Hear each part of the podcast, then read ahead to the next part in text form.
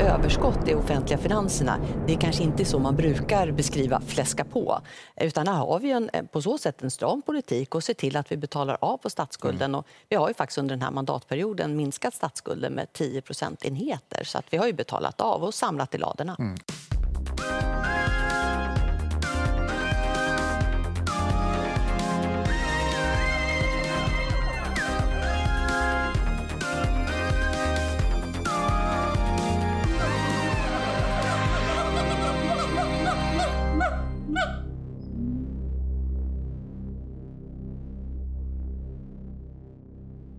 Välkommen till podden Apans anatomi. Med mig idag så har jag Niklas Altemark. Hej Niklas! Hej! Jag är glad att vara här. Ja, och du är uppe för att det är SOS-forum som det heter nu, Socialistiskt forum i helgen på ABF-huset. Yes, det stämmer. Jag ska snacka om ja, välfärdspolitik och klass. Mm. och det är väl kanske det vi ska snacka lite om också. Ja, jag tänkte det. Och jag, jag tänkte...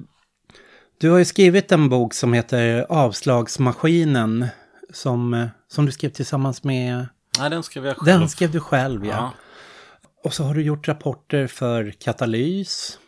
Som handlar om... Eh, du får säga namnet på den själv. Den, den, den handlar om vad den heter. Den heter Vi skär ner i välfärden för att rädda välfärden. Så att det är ju en ja, det var jag, den skrev jag tillsammans med Åsa Plessner. Eh, mm. Som har gästat. Som också har varit med i podden, ja. Men det är ju en, det är en kritisk granskning av hur socialdemokrater gör när de ska motivera nedskärningspolitik. Vi måste få rädda välfärdsstaten. Det, det är liksom ett, en återkommande refräng i socialdemokratins närhistoria. Mm. Och så medverkar du nu också i boken som kom ja, det var flera månader sedan, den kom mm. i halvår nästan sedan. Den här uh, Bortom systemskiftet. Yes, det var, det var jag och Magnus Dahlstedt som redaktörade den och där var ju ambitionen att, att vi visste att det fanns många forskare, forskaraktivister, eh, så. Eh, och den ganska enkla idén var att bara samla ihop dem vi kände och så blev det 27 kapitel och en ganska, ganska tjock bok. Så den gavs ut av Verbal och Katalys. Och du är ju docent, forskare, statsvetenskap i Lund. Om vi ska börja bara, om du, vi tar lite kort om din eh, första bok där, Avslagsmaskinen då, vad, vad den handlar om. Ja, men den, eh, jag hade skrivit några år då om eh, nedskärningar inom funktionshinderpolitiken, inom personlig assistans. Mm. Och visste och såg att samma grej händer i sjukförsäkringen. Så jag började samla på mig avslagsbesked som svårt sjuka människor fick. Ja, men du skulle kunna klara av att arbeta i ett yrke där du inte behöver koncentrera dig eller som, där du kan ligga ner och jobba. Eller eh, så, ja du är förvisso svårt deprimerad och psykotisk men det finns inga objektiva tester här. Så därför kan vi inte ge dig sjukpenning. Och, och eh, liksom, den boken var ju mitt försök att, att försöka utgå från hur människor påverkades utav att inte få ersättning. Och liksom, eh, egentligen den, ja, den chocken som det var att inse hur illa människor for utav det här systemet. Och sen försökte jag förklara hur det blev så här och spårade så. Okej, okay. när hittade, hur kom Försäkringskassan att tillämpa en regel som säger att man får avslå sjukpenningansökningar för att det inte finns tester. Och så spårar jag det tillbaka internt på myndigheten. Och sen tittar jag på hur regeringen hade liksom Annika Strandhäll som var socialförsäkringsminister uppmanade myndigheten att, att spara pengar helt enkelt. Så att mm. det börjar i människors upplevelser, jag spårade uppåt och boken är upplagd tvärtom. Så där börjar jag med att förklara regelverket och styrningen och så går jag ner och tittar på människors erfarenheter av det här systemet. Men, mm. men den boken skrev jag i alla fall, det är två år sedan nu och eh, ganska omvälvande upplevelse faktiskt att, att skriva en, en, eh, en bok där det är så oerhört många människor som har farit jäkligt illa mm. av det här systemet. Men när du skrev den boken, då hade du tät kontakt med de människorna som har blivit utförsäkrade eller förlorat assistans mm. och så. Mm, det hade jag. Det var ju, det började ju med att jag skrev om assistansen och, och när det handlar om funktionsrättsrörelsen så känner jag och är vän med liksom, aktivister, jag har jobbat nära dem sen, sen eh, innan. Men då var det ju folk som var sjuka, inte fick ersättning, som började höra av sig. Och i början så kanske jag också var så här, men så här kan ju inte systemet fungera. Och så börjar man kika på det och, och liksom eh, titta på, på hur det faktiskt ser ut och begära ut dokument, begära ut liksom vägledande domar. Och det slår en liksom att, oh shit, de har ju rätt. Så att jag bestämde mig för att, att liksom den kontakten och, och eh, de relationerna skulle vara en resurs i arbetet med boken. Sen är det klart att, att liksom, det är en bok som utgår väldigt mycket från de här berättelserna. Så. Men ofta så, om man då är, är sjuk och inte får pengar, då har man bara ett jäkligt konstigt avslagsbesked. Så, mm. så då är det ju mitt jobb eh, liksom som forskare att försöka få en förståelse för vad det här kommer ifrån. Liksom genom att nosa rätt på liksom, regeltillämpningarna och de interna dokumenten på Försäkringskassan och sådär. Hur har de mottagit din bok? De som du skriver om så att säga. De jag, var, jag var inbjuden till Försäkringskassan för några veckor sedan. Ja. Det in i lejonkulan. Nej men när boken kom så, så cirkulerade faktiskt liksom presschefen, eller jag, jag vet inte titeln, på myndigheten ett mejl till olika medier. Alltså, mm. Jag var lyckligt lottad att den här boken kom ett halvår in på pandemin. Så folk började bli av med, det var liksom redan högt på medias dagordning. Eh, och fick göra en hel del media och var med i Studio 1 och i tv och liksom eh, ganska mycket intervjuer. Men Försäkringskassan då cirkulerade ett mejl där de skrev i princip att jag var en aktivistisk forskare som hängde ut enskilda medarbetare på myndigheten och, och sådär. Så, att, eh, så de var inte så glada. Jag tänkte väl då att, att liksom de här sakerna som jag skrev om, det var ju också något som många andra liksom förbannade forskare hade sett. Så att jag kunde ändå, jag tolkade det som att, att hade jag haft helt fel hade det varit lätt för dem mm. att dyka upp och säga det. Men det gjorde de inte. Mm. Så jag, hade ett, ett, ett gott självförtroende faktiskt. Och det är ju inte bara, det var ju inte bara min förtjänst att Försäkringskassan fick den här kritiken, utan framförallt så var det ju de, de som, som har drabbats som har lyft frågan, men också många mm. andra duktiga forskare liksom som har granskat det. Och de drabbade, hur hade du någon återkoppling där till dem? Mm, ja, det hade jag. Jag blev ombedd. De organiserar sig mycket i stora Facebookgrupper. Så jag gjorde faktiskt en, en film liksom, där jag berättade om lite om vad som hade hänt och hur boken hade mottagits och sådär. Det är ju ett problem för att många här, liksom, och jag har ju såklart skickat och vet att många har läst boken och skickat pdf-er till de som inte, eh, som har svårt att betala eller liksom gett dem mina fria exemplar. Men det är ju också många som har svårt att läsa koncentrerat text på, på mm. papper och sådär. Så att därför har jag försökt liksom göra liksom små filmsnuttar och annat som sammanfattar bokens budskap och sådär. Så att jag har fortfarande ganska mycket dialog med liksom aktivister och en del av dem har jag blivit bra vän med också. Mm. Jag tänkte under alliansen-åren med Reinfeldt så hela den här arbetslinjen som, som de någonstans kom till makten på var mm. deras stora ideologiska projekt de sålde in. Så gick det ut väldigt mycket gå på på de här sociala försäkringssystemen, gå på assistansen, gå på arbetslösa. Och när Socialdemokraterna kom tillbaks 2014 så var ju det någonstans med ett löfte att ställa det här till rätta. Varför blev det inte så? Och vad gjorde sossarna när de kom till, kom till makten igen? Ja, först, först så, så tror jag man kan säga att de inte gjorde någonting. Så, utan det gick ett år, inget hände. Assistansen, personlig assistans, där signalerade de ganska snabbt att det här ser vi som en lite jobbig kostnadspost. Så. Och sen då kom det då ett Big Bang hösten 2015 när man då skriver det här, ett regleringsbrev till Försäkringskassan. Och det, det är liksom alla myndigheter får regleringsbrev där regeringen säger till myndigheten, det här ska ni tänka på nästa år. Eh, så det är ett styrande dokument, men det ska egentligen inte liksom trumfa lagstiftning och riksdagsbeslut och sådär. Men där står det att, att eh, sjuktalet ska ner till 9,0. Sjuktalet var 11,9 då, så att det är ju liksom säga ni ska göra hårdare bedömningar. Mm. Samma sak med assistansen, antalet, liksom ökningen av timmar ska stoppas. Max 18 000 per år ska få sjukersättning, förtidspension som det kallades. Så det är ju det man gör. Och det är liksom helt, det är egentligen okontroversiellt. Jag tror dessutom att många socialdemokrater idag skulle säga att det här var ett misstag. Men, men frågan om varför man gör det är ju intressantare. Va? För att det som händer liksom i upptakten till valet är att Stefan Löfven, han säger redan innan valet att vi kommer inte höja några skatter. Jobbskatteavdragen som alliansen har genomfört, de ligger, nu är det så.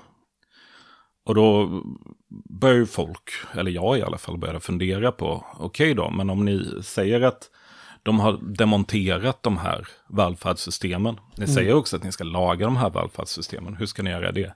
Tänker ni lånefinansiera det? Nej, Magdalena Andersson säger att vi har ett finanspolitiskt ramverk. Det är liksom ett regelverk som säger att statsbudgeten inte får gå med underskott.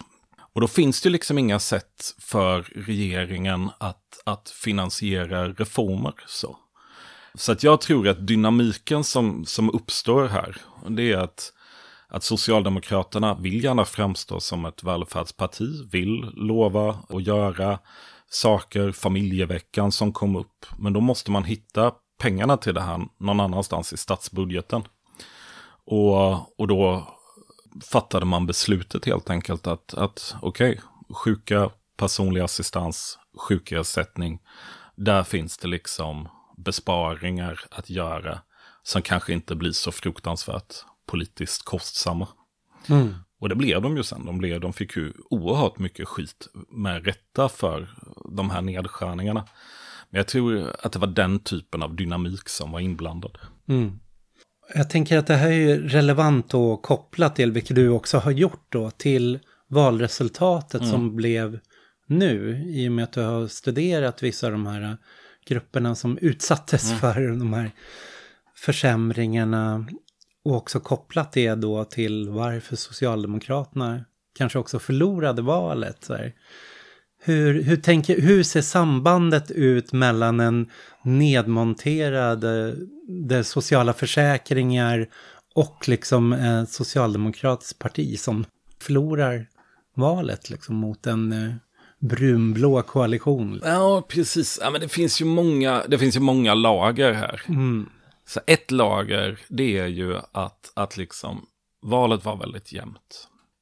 Och så kan man titta då på liksom hur oerhört många det är i gruppen människor som är beroende av bidrag för sin överlevnad, eller socialförsäkringarna som jag föredrar att kalla det okej, vilken paradox, säger liksom mina statsvetarkollegor i Göteborg då, som inte har följt det här systemet lika nära som jag. Mm. Varför röstar inte de på välfärdspartiet Socialdemokraterna? Och då är ju liksom, jag tror att, att vi som har arbetat med socialförsäkringsfrågorna och som har följt hur snacket går i de här nätmiljöerna, vi är ju inte jätteförvånade för att socialdemokratin framstår inte som ett välfärdsparti längre för, för människor som är, är beroende av sjukförsäkring. Det är ju liksom, det är, de förknippar socialdemokratin med luften som inte hålls. Eh, med liksom ett politikerförakt där man å ena sidan Å ena sidan så säger, säger sig partiet ha värnat om den här gruppen och sen så gör man systemet sämre så det är ju liksom ett lager, ett stödet för, och sen samtidigt då som Sverigedemokraterna är aktiva i den här frågan.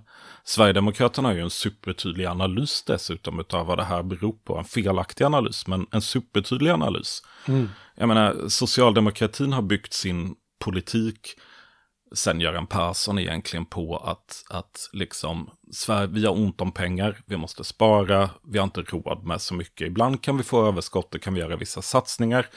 Men, men så fort någon har kommit och efterfrågat att vi måste göra välfärdssatsningar eller vi måste göra det ena eller det andra, så har ju svaret alltid varit att nej, då kommer vi komma tillbaka till 90-talskriset med stora budgetunderskott. Det är, det är en ganska skev, det är en annan historia, men det är en ganska skev historieskrivning av 90-talskrisen. Men det här har i alla fall gjort att det har etablerats en sån oerhört stark föreställning i svensk offentlighet, tror jag, som handlar om att vi inte har råd med välfärd. Och det som händer då, liksom, mm. när de här nedskärningarna kommer, det är att det blir väldigt lätt för Sverigedemokraterna att säga, vet ni vad, vet ni vad problemet är? Det är att de prioriterar och ger pengar till massa invandrare som kommer hit istället för till er. Så. Och som sagt, analysen är skev, men när man har trummat in att Sverige saknar pengar så gör man det, så bäddar man för precis den typen av argument. Och det var ju det som, det som hände. Sverigedemokraterna var väldigt aktiva i de här liksom, nätforumen pratade hela tiden jättemycket om hur man arbetade för att ta tillvara deras rätt. Jag menar, i ganska stor utsträckning så gjorde Sverigedemokraterna inte så mycket. Det var ju väldigt mycket Vänsterpartiet och Ida Gabrielsson som verkligen såg till att man bjöd in liksom myndigheten till socialförsäkringsutskottet och som slet som fasen med detta. Men de hade en berättelse att berätta så, om socialdemokratin som sviker den svenska arbetarklassen.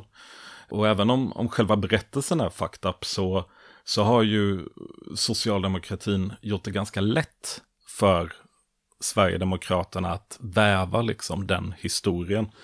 Och det är, det är ju liksom, men det är ju svårt deprimerande när man, när man ser människor i, i liksom stor utsatthet rikta sig och rikta agget och vreden mot en annan lika, om inte mer utsatt grupp. Men det är liksom den typen av, mm. den typen av dynamik som finns i den här frågan. Mm. Kan man se lite hur, om Sverigedemokraterna gick framåt i de här grupperna, hur mycket? Mm. Nej, jag, jag, vet inte exakt hur mycket de gick framåt mellan de två senaste valen. Nej. Eh, men de är starka i de grupperna. Den här nedskärningarna som, som drabbade sjukförsäkringen senaste vändan, det var ju 2015, så det var i förra mandatperioden. Och då kunde man se att, ett liksom, att socialdemokratin tappade i den mm. gruppen. Medan Sverigedemokraterna är ju, ja, jag vet inte, jag har inte siffrorna i huvudet, men de är väldigt starka i alla fall. Du har beskrivit hur den där ilskan som du, när du läste de här Facebookgrupperna, liksom mm. att det finns en oerhörd ilska mot sossarna där, mot ja. socialdemokratin. och jag har tänkt på det, jag har ju suttit och lyssnat på sådana här uh, Twitter Spaces, mm. deras liksom, samtalsfunktioner nu ända sedan valet. Och varit så fascinerad över just det här att det någonstans de vann valet men de är så oerhört besvikna och de pratar om det som att de fortfarande har förlorat och att de är någonstans eh, ute efter att få någon form av upprättelse som måste innehålla någon form av hämnd där mm. de som har utsatt dem för det här straffas. Och mitt projekt har varit lite så här, men jag är nyfiken om man kan höra vilka som är före detta moderater och vilka som är före detta sossar. Mm. I och med att eh, Sverigedemokraterna gick lika mycket framåt inom eh, företagare mm. som de gick i liksom, LO-kollektivet mm. och arbetarröster. Så. Mm. Men jag kan liksom inte höra någonting sånt att det är bittra före detta sossar som att någonstans det finns en väldigt ilska mot socialdemokratin, mer nästan än mot Miljöpartiet som mm. är liksom det, Miljöpartiet och sossarna är väl de två stora, liksom, Centerpartiet ja. tre liksom ja. kanske, som de eh, har sin vrede mot och sen är det liksom mot skatter liksom. Ja. Det här verkar verkligen ha fått, men tagit så fäste det här liksom, um, vad var det före detta vdn i Svenskt Näringsliv som sa vad får jag för... Ja, vad får jag för pengarna? Ja, vad får jag för pengarna liksom? Den här, allting handlar, varenda sak man argumenterar kring är liksom, Men jag vill inte betala för det där. Varför ska våra skattepengar gå till det? Varför ska våra skattepengar gå till en rad olika saker? Någon konstig offentlig konst eller Ja. performancekonst. Varför ska det liksom... Det finns ju mycket föreställningar om vad vi lägger pengarna på istället för socialförsäkringar eller vad det nu kan vara liksom. Men även när man pratar om välfärden så är de eh, inte pigga på att liksom lägga... De, de är de som drabbas. De har liksom möt, eller så här temadiskussioner om eh, psykisk sjukdom, arbetslöshet, utslagenhet.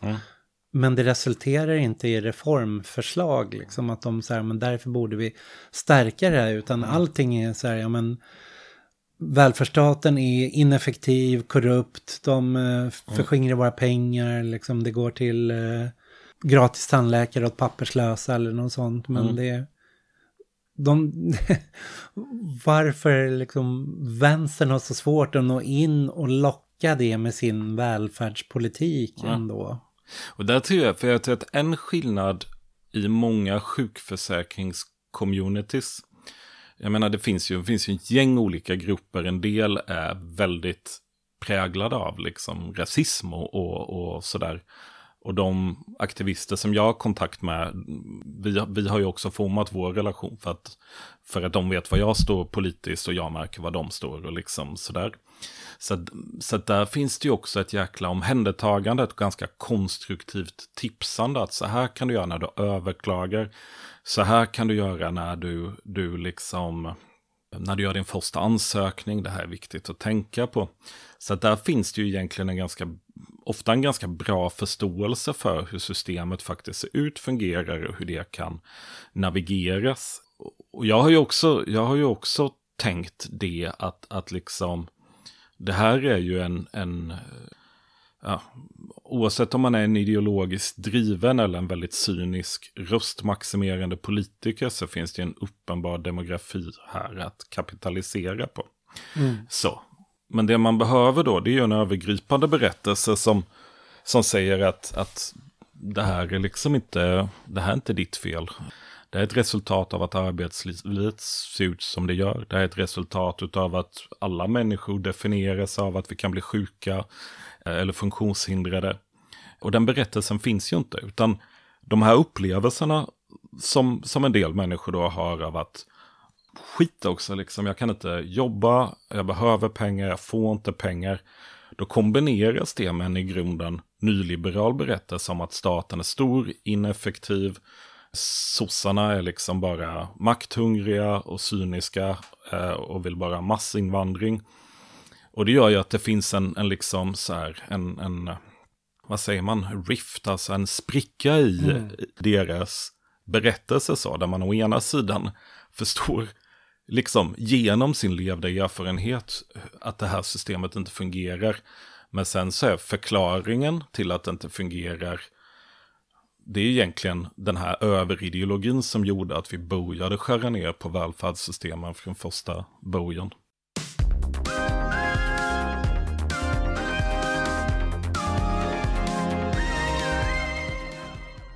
Mm, vi kan gå in lite på den överideologin, för där, där kommer vi in på den här katalysrapporten som du och Åsa Plessner skrev då. Att varför håller socialdemokratin fast vid det här? Ni säger ju att det inte handlar om eh, det är en liksom eh, en plan eller en lögn från deras sida, utan det är en slags självlögn som de själva tror på. Liksom. Ja, alltså jag tror egentligen så tror jag ju att det är självklart att en del ledande personer har varit ideologiskt övertygade, liksom nyliberaler, så, även om det inte är gångbart att kalla sig det. Men, men det, jag tror att, att utgångspunkten där för oss var att, att liksom, jag föreläser en hel del om, om mina böcker, så ute på S-klubbar, ute i fackklubbar, har liksom haft studiecirklar på ABF och då, då träffar man sossegräsrötter som håller med mig om precis allt så. De tycker också det här är skit, liksom. Eh, De tycker också att, att, att partiet har liksom svikit. Och så är det en väldigt stor klyfta och en väldigt lång väg upp då till partiledningen som gör något helt annat. Och vi ville ju liksom försöka förstå det där. Hur kan det komma sig att man gör en politik som ens väljare inte vill ha och ens medlemmar inte vill ha. Och det vi försökte göra var att vi systematiskt studerade, men vad säger de då? Vad, vad, hur beskriver de problemen de, det de ska lösa? Och det som är fascinerande är att de kontinuerligt hela tiden säger att man är tvungen att göra de här sakerna för att rädda välfärden. Och egentligen så beror det här på att man, man anammar kanske inte de nyliberala målsättningarna om en, om en eh, stat som främst finns till för att skapa vinst eh, och, och som inte sysslar med att omfördela pengar. Men man anammar den nyliberala analysen Alltså staten kan inte skapa jobb till exempel, det kan bara näringslivet göra. Ja men då måste vi ha ett litet budgetunderskott så räntorna faller så att det blir mycket privata investeringar. Den typen av idéer blir väldigt dominerande på, på 90-talet. Och när man väl har anammat den här analysen då, ja men då, då kan man ju säga så att okej okay, om man tror att tillväxt är en förutsättning för bra välfärd, som socialdemokrater alltid har trott, och man tror att det blir tillväxt om man minskar statens storlek. Ja, men då blir ju argumentet vi minskar statens storlek för, så att vi får tillväxt, så att vi kan ha bättre välfärd. Och det, jag menar, nu har vi kommit så långt på den här vägen så att nu finns det ju inte så mycket, i alla fall inte alls lika mycket välfärd kvar att rädda. Mm. Men, men de landar ju liksom i en självmotsägelse. Ja, du skriver att eh, andelen pengar i statsbudgeten som går då till sociala försäkringssystem har, har bara konstant minskat då mm. sen, vad är det, 80-talet eller? Ja, eh, socialförsäkringssystemet tror jag är sedan 90-talet. Ja. Men eh, det offentligas andel av BNP sedan 80-talet. Mm. Ojämlikheten har ökat under samma period och sådär. Idag så kom, eller häromdagen kom Katalys med sin eftervalsanalys. Mm. Och någonstans så eh, ger de katalys, ger ju dig rätt på de här punkterna. Mm. De, de ligger i samma linje med, med du har fört fram i de här eh, rapporterna. De skriver att som socialdemokratin hade, ägde sju av tio frågor i valrörelsen. Men i och med att de försökte oskadliggöra högern genom att spela på deras planhalva så mm. blev det bara högerns tre frågor som var de enda som diskuterades. Man kom aldrig tillbaks till välfärdsfrågorna. Och de tar också upp då, men om man hade kommit tillbaks till välfärdsfrågorna så det Socialdemokraternas ovilja att föreslå reformer och att de inte, inte bara ovilliga utan det, precis som du sa, att de, de kan inte föreslå reformer med det här sättet att tänka liksom. På, mm. Har du hunnit titta på den? Eh, jag, har, jag har faktiskt hört katalysarna presentera en preliminär version av sin valanalys. Mm. Så jag tror jag, jag ska bli koll på vad som står i den. Och, och det är ju, jag menar det är inte uppgiften i en valanalys. Jag håller med om den mm. analysen såklart. Det ligger ju liksom i linje med vad jag själv eh, och vad jag och Åsa har skrivit.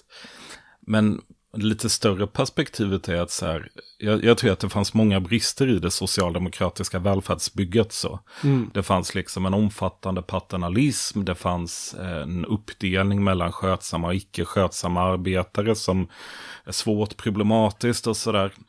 Men, men något som ändå karaktäriserade liksom 1900-talets socialdemokrati, det var ju en stark tro på politikens möjlighet att styra samhället. Ja, men vi, kan, vi kan tygla marknadskrafterna på något sätt. Vi kan bestämma vilket samhälle vi vill leva i.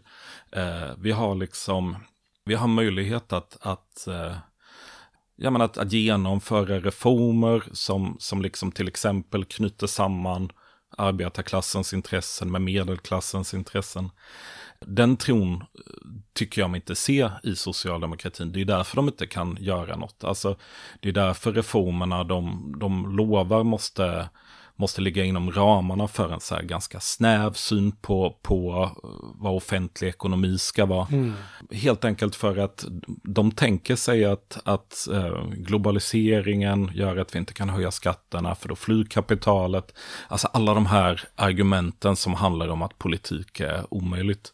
Eh, Och det är klart, ska det, det går ju inte att bedriva vänsterpolitik om man har det som utgångspunkt. Att, att om politiken aldrig kan trumfa marknaden så blir ju vänsterpolitik någonstans omöjligt. Då blir det ju liksom centrism och som jag vet att ni mm. gillar att mm. snacka om i den här podden. Jaha. Då blir det centrism och då blir det teknokrati och, och det blir liksom så. Ja. Och jag tror att det är det som är egentligen det största skiftet under de senaste 30-40 åren i liksom den socialdemokratiska ideologivärlden. Jag har försökt följa, eller det har vi gjort mycket i den här podden, mm. liksom utvecklingen med Corbyn och liksom mm.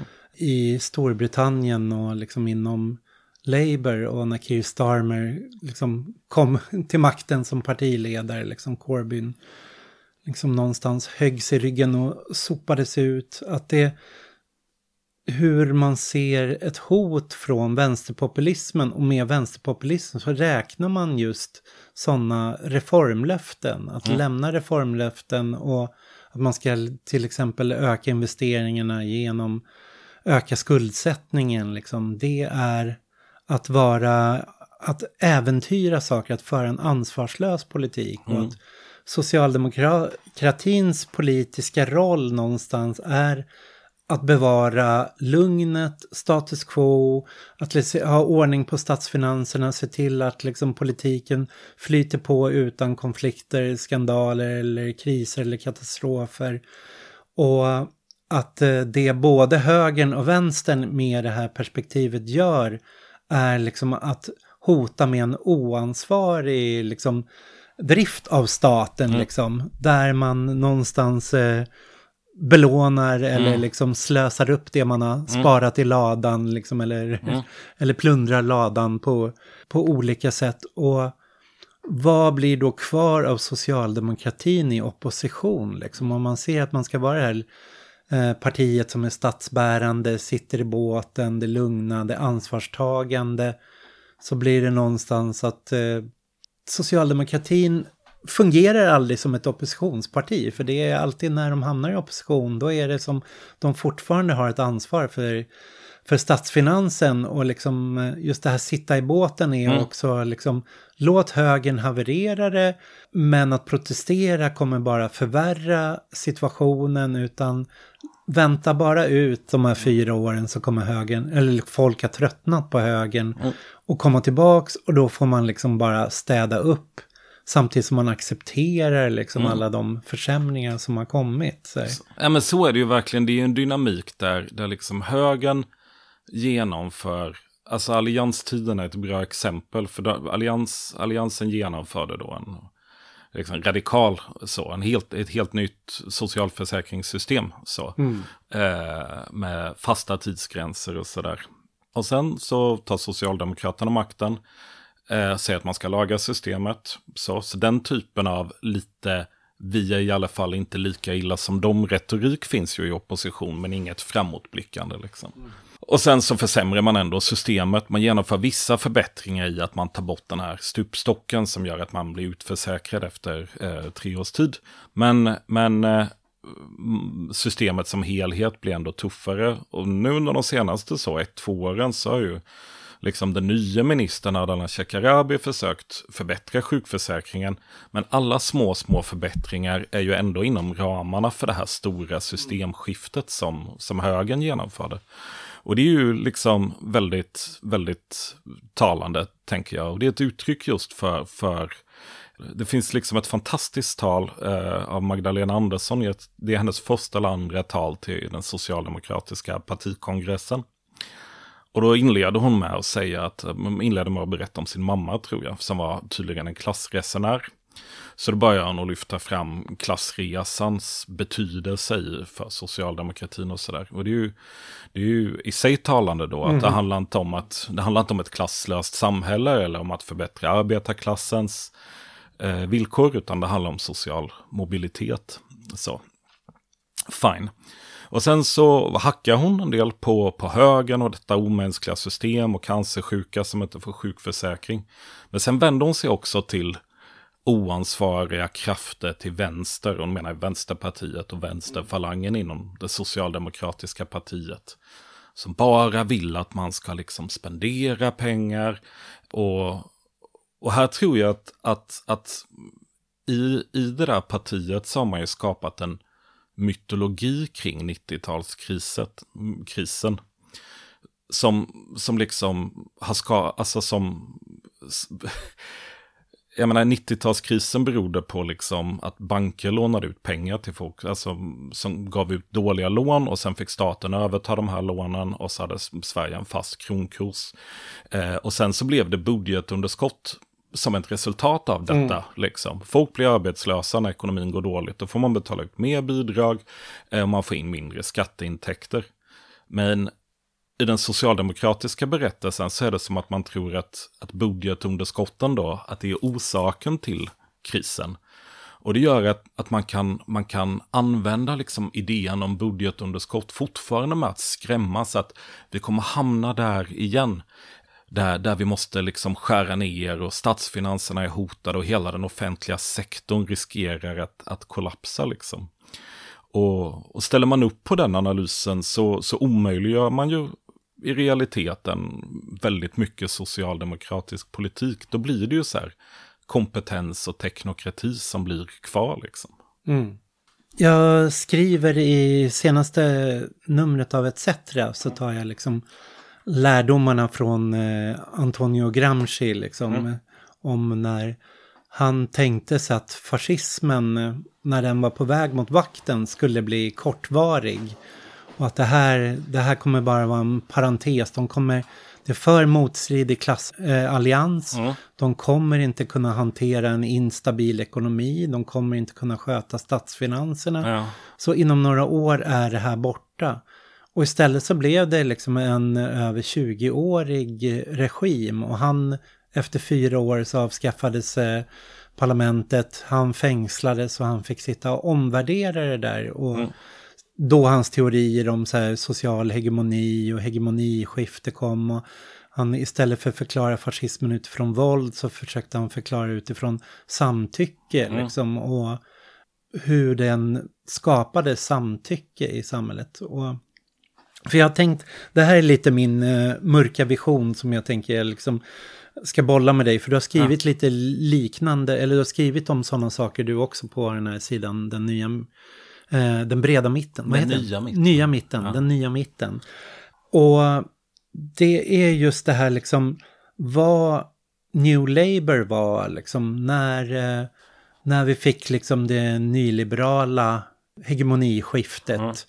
med Thatcher, Reagan, liksom med eh, ekonomiska krisen i Sverige liksom i början av 90-talet så, så kom ju hela den här socialdemokratiska tredje vägen, liksom New Labour, Tony Blair, som förde tillbaka Socialdemokraterna till makten i mm. de flesta länder i slutet av 90-talet. Runt 00-talet så, så satt sossarna vid makten i nästan alla europeiska länder. Och då hade de ju accepterat nyliberalismen, de hade plockat in det här med New Public Management, eh, att låta liksom marknaden bli en drivkraft för välfärden. Och också det här med sunda liksom, finanser, spara i ladorna, mm. inte ha liksom budgetunderskott, liksom strama budgetramar för, för det offentliga. Så här. Och frågan är liksom nu med den här uh, nya konservativa liksom eller vad man ska säga, liberalkonservativa eller nationalkonservativa, liksom. Ja, vad man nu sa väljer att kalla brunblå innan. Brunblå, ja. Vad man väljer att kalla den, liksom. Så här. Om vi ser ett nytt hegemoniskifte och i sådana fall om det här, det kanske är instabilt i det här läget, men det finns ju någonstans är det många som så här bettar på mm. liksom att ja men det här, det kommer fyra år så faller det här liksom. Mm. Tänk om liksom vi sitter i Gramscis situation mm. och att det här liksom är ett 30, 30-årigt projekt framöver. Mm. Och min, min farhåga är att Socialdemokraterna kommer lösa det här på samma sätt att man kommer anpassa och säga det här är den nya spelplanen. Det här är det nya sättet att liksom som vi måste artikulera politik på.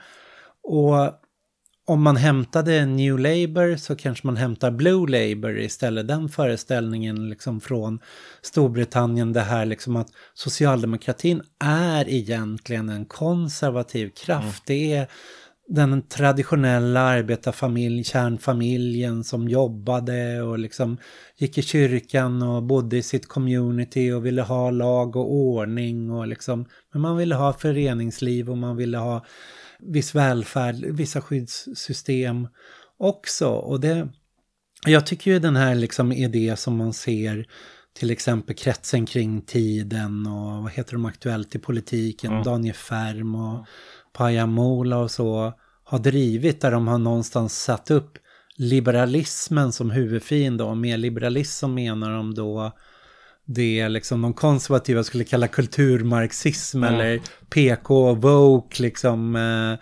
gallskalan mm. så att säga. Liksom. Gallliberalism, ja. inte ekonomisk liberalism.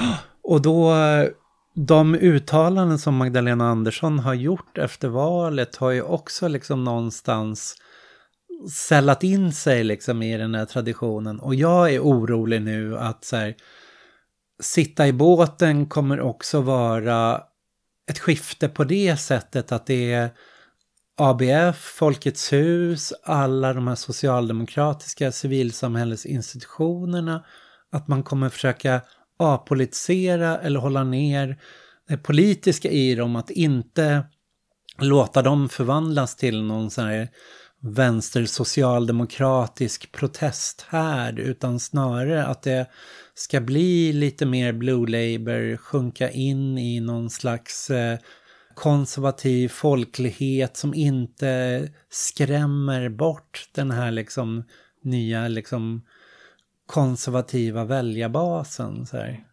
Ah. ja, men det, ja men det är det, jag, jag, är rädd för att vi kanske inte bara kommer stå inför liksom eh, de blåbruna, att det är där vi kommer ha konflikten framöver, utan vi kommer även få tampas med ett Blue Labour socialdemokrati liksom som någonstans säger samma saker. Vi får väl se vem, vem som vinner kampen där. Alltså, det, nu, du får slänga grejer på mig Mattias. Alltså, ja, jag, ja, det finns, alltså, finns, finns uh, viss risk att jag svävar ut här va. Men, men... Ja, nej, men det, nu, nu har vi kommit till partiet där vi får sväva ut liksom. Ja men alltså, och det, det, på ett sätt är det sant, det finns ju ett konservativt arv i socialdemokratin. Sådär, alltså det, det är liksom, det är en myt till exempel att, att den här den här bestraffande arbetslinjen, den, den finns ju i svensk socialpolitisk historia. Mm. Plikten att arbeta, den moraliska skyldigheten att arbeta, moraliserandet kring de som inte arbetar, liksom sådär. Det, och det finns alltså i all socialpolitisk historia, även i mm. icke-socialdemokratiska länder. Va? Men, men så att det finns ju så, den typen av komponenter att plocka upp. Jag tror också att, att en, den här typen av strid ligger framför socialdemokratin. Alltså, det, det är ju, de är skickliga tiden på att, på att alltid röra sig i samma riktning som sin partiledning.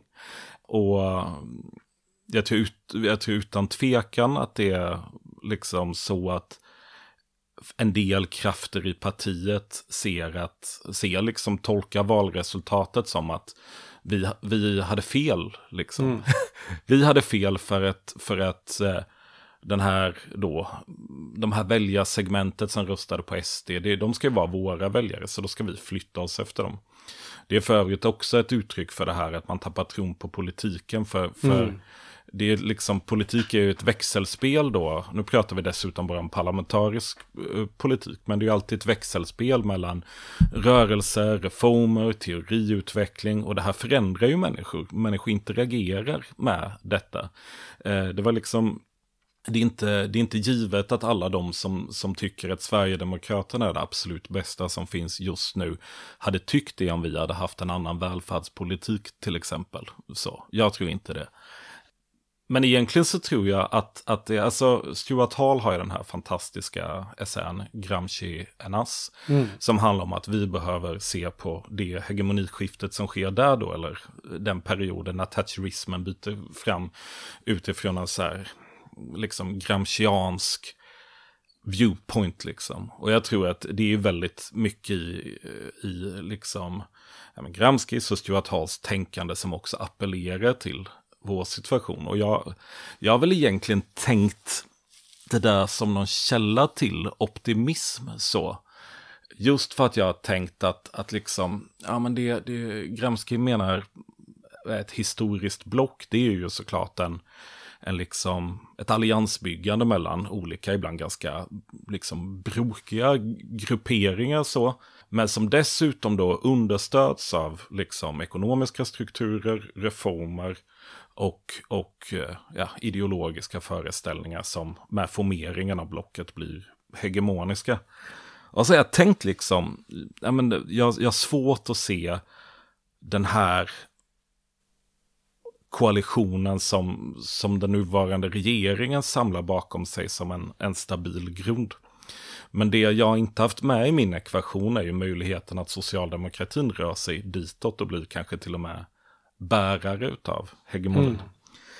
Och, och, det finns ju, eh, alltså Magdalena Andersson några veckor efter tid, eller någon vecka efter Tidöavtalet hade, hade liksom presenterats, gav en intervju i Expressen där hon i princip säger att, att, att, att liksom, ja men vi har väl egentligen det stora hegemoniskiftet gjorde vi liksom 2015 mm. när vi, alltså, mm det här, alltså, liksom, och, och vill inte alls föra fram någon, liksom, kritik mot detta. Uh, så att det, det alltså, jag vet inte fasen vad jag tror kommer hända, men jag tror att, att just den här liksom motviljan med att formulera politiska alternativ och ta strid, det är ju det som är risken med att, att liksom socialdemokratin och flyttar de sig, då har ju hela det politiska fältet mm. rört, rört sig. Mm. Så.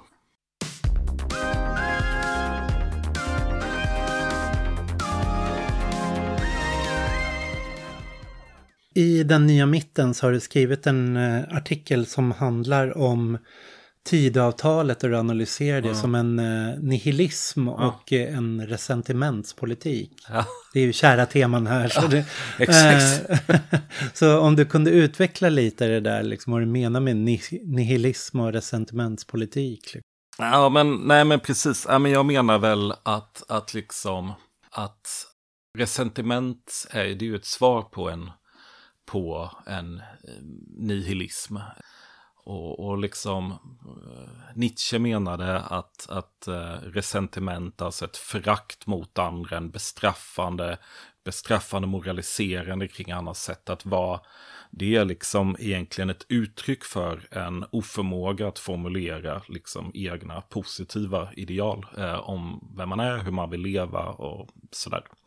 Och, och det finns ju onekligen någonting i dagens politiska klimat där det finns en stor oförmåga tror jag att formulera positiva samtids, framtidsversioner. Jag menar till och med nyliberalismen har ju tappat det där. Mm. Alltså det är inte, oh marknaden, det kommer bli tillväxt, alla får det bättre, entreprenörer, internet. Ja, alltså det, det där mm. finns Billiga ju... krediter. Ja, exakt. Ja. Det, det, är liksom, det där är ju, är ju borta. Det finns inte inom vänsterblocket, det finns inte inom högerblocket. Eh, eh. Så det jag, det jag säger då är att, att den politiska motsvarigheten till resentiment, eh, liksom på ett så individmoraliskt plan, det blir en, en politik som, som inte längre lovar att göra samhället bättre på något sätt, men däremot att bestraffa andra. Och det är liksom vårt behov av det som, som högerblocket har tillfredsställt och som Tidöavtalet är ett uttryck för. Det är ju liksom helt, helt, helt slående så när man, när man läser det, att, att det, det handlar ju inte om hur Sverige ska bli ett bättre land, hur folk ska få det bättre. Utan det handlar bara om hur livet ska bli svårare för vissa grupper som då har tillskrivits skulden för liksom allt som är ont mm. så. Eh, och det är ju... Eh, ja, det, det, det är väl kanske det du hör i de här liksom eh, mm. eh, kanalerna. Där. Ja, definitivt. Det är definitivt de, de tongångarna som är där. Och jag har ju jag har ju gått in i några av de där diskussionerna och försökt trycka på folk där. Så, men vad vill ni ha då? Vad vill ni ha då? Så det, det kommer aldrig till den punkten liksom, utan det är bara vilken kränkning man utsatts för och mm. vilken upprättelse man vill ha. Men mm. det är aldrig var man vill ta sig någonstans eller mm. hur man skulle vilja förbättra någonting. Ja. Utan det är bara, ja men det var bättre som det var förr, liksom, innan den ja. här oförrätten skedde. Liksom. Och det, men det som är intressant är att, för det, och det här, det har ju hänt efter tidavtalet, det har ju mm. hänt efter vad, liksom, hade någon sett tidavtalet för fem år sedan hade vi bara, vad, vad, är, vad är detta? Hur fan kunde vi mm. hamna på den här platsen? De har sett det här avtalet, de är fortfarande liksom förbannade och missnöjda. Och det säger ju liksom också någonting, för det här, den här eh, liksom jakten efter, efter hämnd eller efter liksom att, att, ja, att resentimentskänslorna ska tillfredsställas. Det är ett svart hål. Det, det är liksom, mm. det kommer aldrig vara tillräckligt. Liksom. Det finns ingen politik som är hård och repressiv nog för att tillfredsställa liksom, men, de sverigedemokratiska nätarméernas behov av upprättelse, tror jag. Mm. Vilket gör att de säkert också kan liksom göra exakt samma grej om fyra år igen i nästa valrörelse. Mm. Ja, och ser man till Socialdemokraterna historiskt, liksom de här välfärdsåren efter krigen, så fanns ett socialt löfte där om mm. hur man skulle kunna få det bättre i liksom, eh, den svenska modellen. Mm. Och samma nyliberalismen bar också på ett socialt mm. löfte att du skulle få det bättre, men det här är ju saknar, det är ett socialt löfte om att du ska få det tryggare du ska, du ska slippa vara rädd någonstans. Det, det är det löftet, inte att du ska få det ekonomiskt eller bättre liksom på det sättet eller socialt tryggare ekonomiskt utan det, det är rädslan och då en socialdemokrati som också spelar på den här planhalvan då mm. undrar man så här hur kapabel är ett sånt här, det, då kanske vi kommer tillbaka till, det. Kanske är en instabil konstellation där, för om vi nu har eh, stigande levnadsomkostnader, att vi kanske står inför inte bara energikris utan även en matkris, vi har en fortsatt eh, ökande liksom, klimatkris, vi har liksom geopolitiska konflikter, liksom, mm. intressen, kamp om resurserna där. Och eh, mycket möjligt flera pandemier mm. som kommer liksom utlösas. Så här, hur kapabel är den här liksom konstellationen någonstans att hantera liksom kriser? Mm. Liksom. Det är där man undrar liksom vad... Ja, och det, ja, men det var väl det, alltså jag tror att det där var komponenten som jag, jag tappade bort lite i min utläggning innan, att, att liksom går det att etablera ett, ett hegemoniskt projekt som inte har ett positivt innehåll mm. egentligen. Eh, och det var väl det jag kände mig liksom skeptisk till. Men, men samtidigt har man liksom, är det ju lite historielöst att, att göra det, liksom, givet hur, ja men den italienska historien och sådär, att det går ju liksom att, att, att liksom sen fylla på med liksom en så här, ja, nationalism och gud vet vad, liksom. Så. Mm. Sen angående kriserna så är det ju liksom, eh, om det politiska projektet bygger liksom på att vi, vi utlovar trygghet, vi utlovar säkerhet, så, där, så blir ju varje kris liksom ett stort eh, hot, liksom, såklart. Och jag tror väl att det, och det är ju egentligen ett misslyckande av pandemin, för att där blottades ju relationen med att vi har haft en politik som har saknat ett positivt innehåll mer specifikt här då att, att vi har en äldreomsorg som inte fungerar där folk redan mm. innan pandemin var utarbetade och en, vi har liksom ingen akutsjukvård. Och, och så kommer det en pandemi och antagligen så har det dött människor i onödan på grund av det här. Eller antagligen det har det, har det med all säkerhet gjort liksom. En bättre rustad välfärd hade gjort att vi kunnat behålla det här bättre. Så att i kriser så upp, uppenbaras ju också liksom att, att trygghet och säkerhet, de här liksom sakerna som vi lovar, det är ju, om det ska vara hållbart så måste det vara ett resultat av ett samhällsbygge av social sammanhållning och solidaritet och sådär, som deras projekt helt saknas. Men alltså om, om vi då ska fortsätta liksom den här bashandet av Socialdemokraterna. Så är det ju, det är ju extremt fascinerande att, att liksom att man inte tog tillfället här att, att liksom använda liksom pandemin för att motivera. Så det här visar klart och tydligt på stora rever i samhället. Det här är ett, ett skäl till varför vi måste lägga jättemycket pengar på att, på att ja, men göra äldreomsorgen till exempel så att den blir mycket attraktivare att arbeta i. Men det, var, det, var, det kändes som det var en kvart under pandemin mm. som det fanns ett erkännande av att ja. okej, okay, arbetarklassen som jobbar inom vård och omsorg har för dålig arbetsmiljö. Men, mm. men sen, ja, pandemin borta, nu är det som att det inte har hänt. Mm. Det är mm. surrealistiskt. Ja, verkligen. Den är kollektivt glömts på ja. nolltid. För att avsluta lite det här samtalet så tänkte jag, vi spelar in innan Socialistiskt forum och jag vet att en punkt som du ska vara med på med katalys och det kommer vara Lovisa Broström kommer mm. vara med där också som är ekonomhistoriker från Göteborg och Enna Gerin från Katalys som håller, är det någon mer? Erik Rosén och Erik Rosén, ja. Och om du har chansen nu liksom att eh, för ni kommer ju någonstans prata om liksom ett projekt framåt antar ja. jag. För det är ju vinna framtiden som mm. temat där för Socialistiskt forum. Så nu har vi pratat mycket om problemen liksom och bara avsluta med det här. Vad ska du säga i helgen om och hur vinner vi framtiden? Ja, alltså en, en, eh, alltså eh, den billiga vägen ut här va, och det, det är också en väg som jag genuint tror på. Att jag tror att att, att de framåtriktade visionerna måste formuleras i rörelser. Så. Jag har fått se lite av det liksom när jag har jobbat med funkisaktivister och, och, och sjuka aktivister. Där liksom det växte fram idéer om hur, ett sånt, hur de här specifika systemen ska se ut. Men det större projektet om, om liksom det svenska, jag menar välfärdsstatens framtid, eh, tror jag måste vara kollektivt. Det sagt då, så tror jag väl egentligen att det som har hänt under de senaste decennierna, det är att den, den klasskoalition mellan medelklassen och arbetarklassen som användes för att bygga välfärdsstaten, där man liksom utformade system som gjorde att de här gruppernas intressen sammanföll. Den har ju ersatts då av en politik som istället byggde samman en liten ekonomisk elit med medelklassen. Vi, vi har liksom jag menar, vi har friskolor så blir liksom ängsliga medelklassföräldrar som kanske mig själv oroliga för att våra barn ska bussas någonstans till någon eh, så kallat dålig skola. Det är ju realiteten bara en eufemism för att barnen på skolan har då liksom fel hudfärg så. Det finns ju så.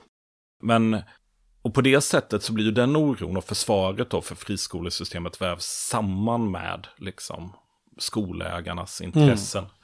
Det vi behöver det är ju en politik som, som binder ihop, eh, återigen liksom binder samman olika segment ur arbetarklassen med olika segment ur medelklassen och, och, och liksom, ja man formar kanske det som, som Stuart Hall och Gramsci kallade för ett så, ett block. Eh, så, vi ska tänka på reformer som gör, som knyter människor samman och gör att deras intressen sammanfaller för att liksom institutionalisera solidaritet. Ja. Tror jag. Det där är ju kärnan i Lovisa Broströms forskning, ja, precis du äh, sa nu.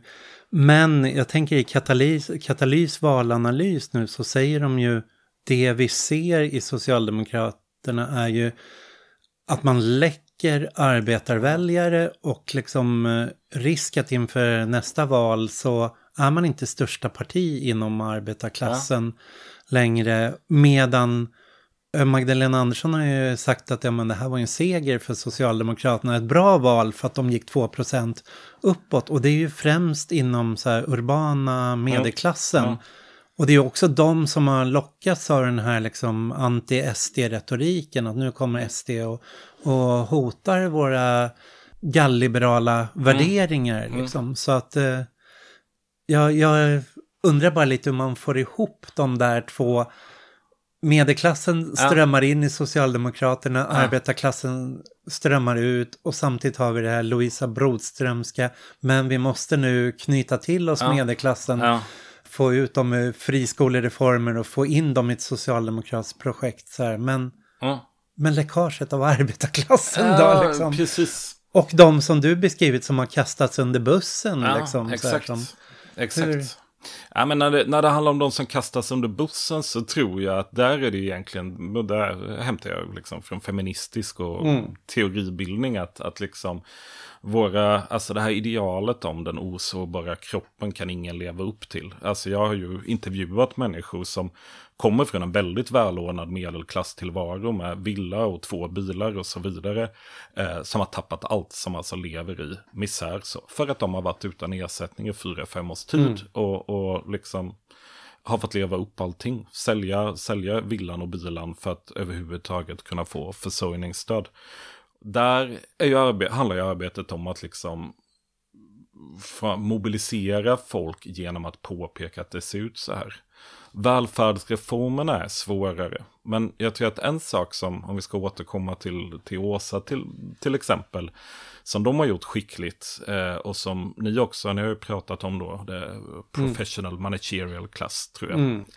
Att det är ju liksom uppenbart till exempel att arbetsvillkoren för eh, liksom professionella i välfärden där finns det ju en tydlig klassallians möjlig, som är möjlig mellan, mellan till exempel undersköterskor, sjuksköterskor och läkare. När man pratar om styrningen av välfärden så låter det verkligen alltså, välavlönade läkare som, som, som vänsterpartister i sin kritik av New Public Management till exempel.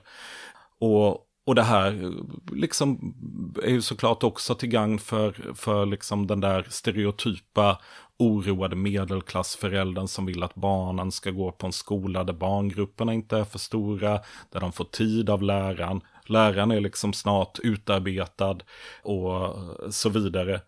Samtidigt då som ett sånt projekt med liksom en fri och jämlik skola såklart har jättetydliga klassutjämnande effekter. Men det är klart att, att, att liksom, om tidshorisonten här är fyra år så får väl både jag och Lovisa då, som jag tror argumenterar längs samma linje, inse att det ser väldigt svårt ut. Och, och det, vi, kanske ska, vi kanske ska börja med att facea det. Alltså, Sverigedemokraterna har nött på med, med liksom i princip samma argument i 15 års tid för att hamna där vi är nu. Nyliberalerna satte igång liksom 79 med sin stora liksom strategi. De fick stort genomslag efter valet 94 när liksom Göran Persson helt plötsligt trodde på, eller, eller till viss del i alla fall, trodde på några av samma dogmer. Liksom. Det kanske inte finns några genvägar för vi ska lura dagens socialdemokratiska partiledning att, att liksom gå med på det här, utan det kanske, för att återkomma till, till Gramsci då, ett war of position här som måste bedrivas över längre tid. Mm. Ja, nej men tack. Vi kan sluta där. Ställningskriget börjar nu och det, det jag skriver i min ETC-artikel också. Så Perfekt. får vi... Det kommer återkomma som teman i den här podden, garanterat. Tack så mycket. Ja, tack Niklas. Tack.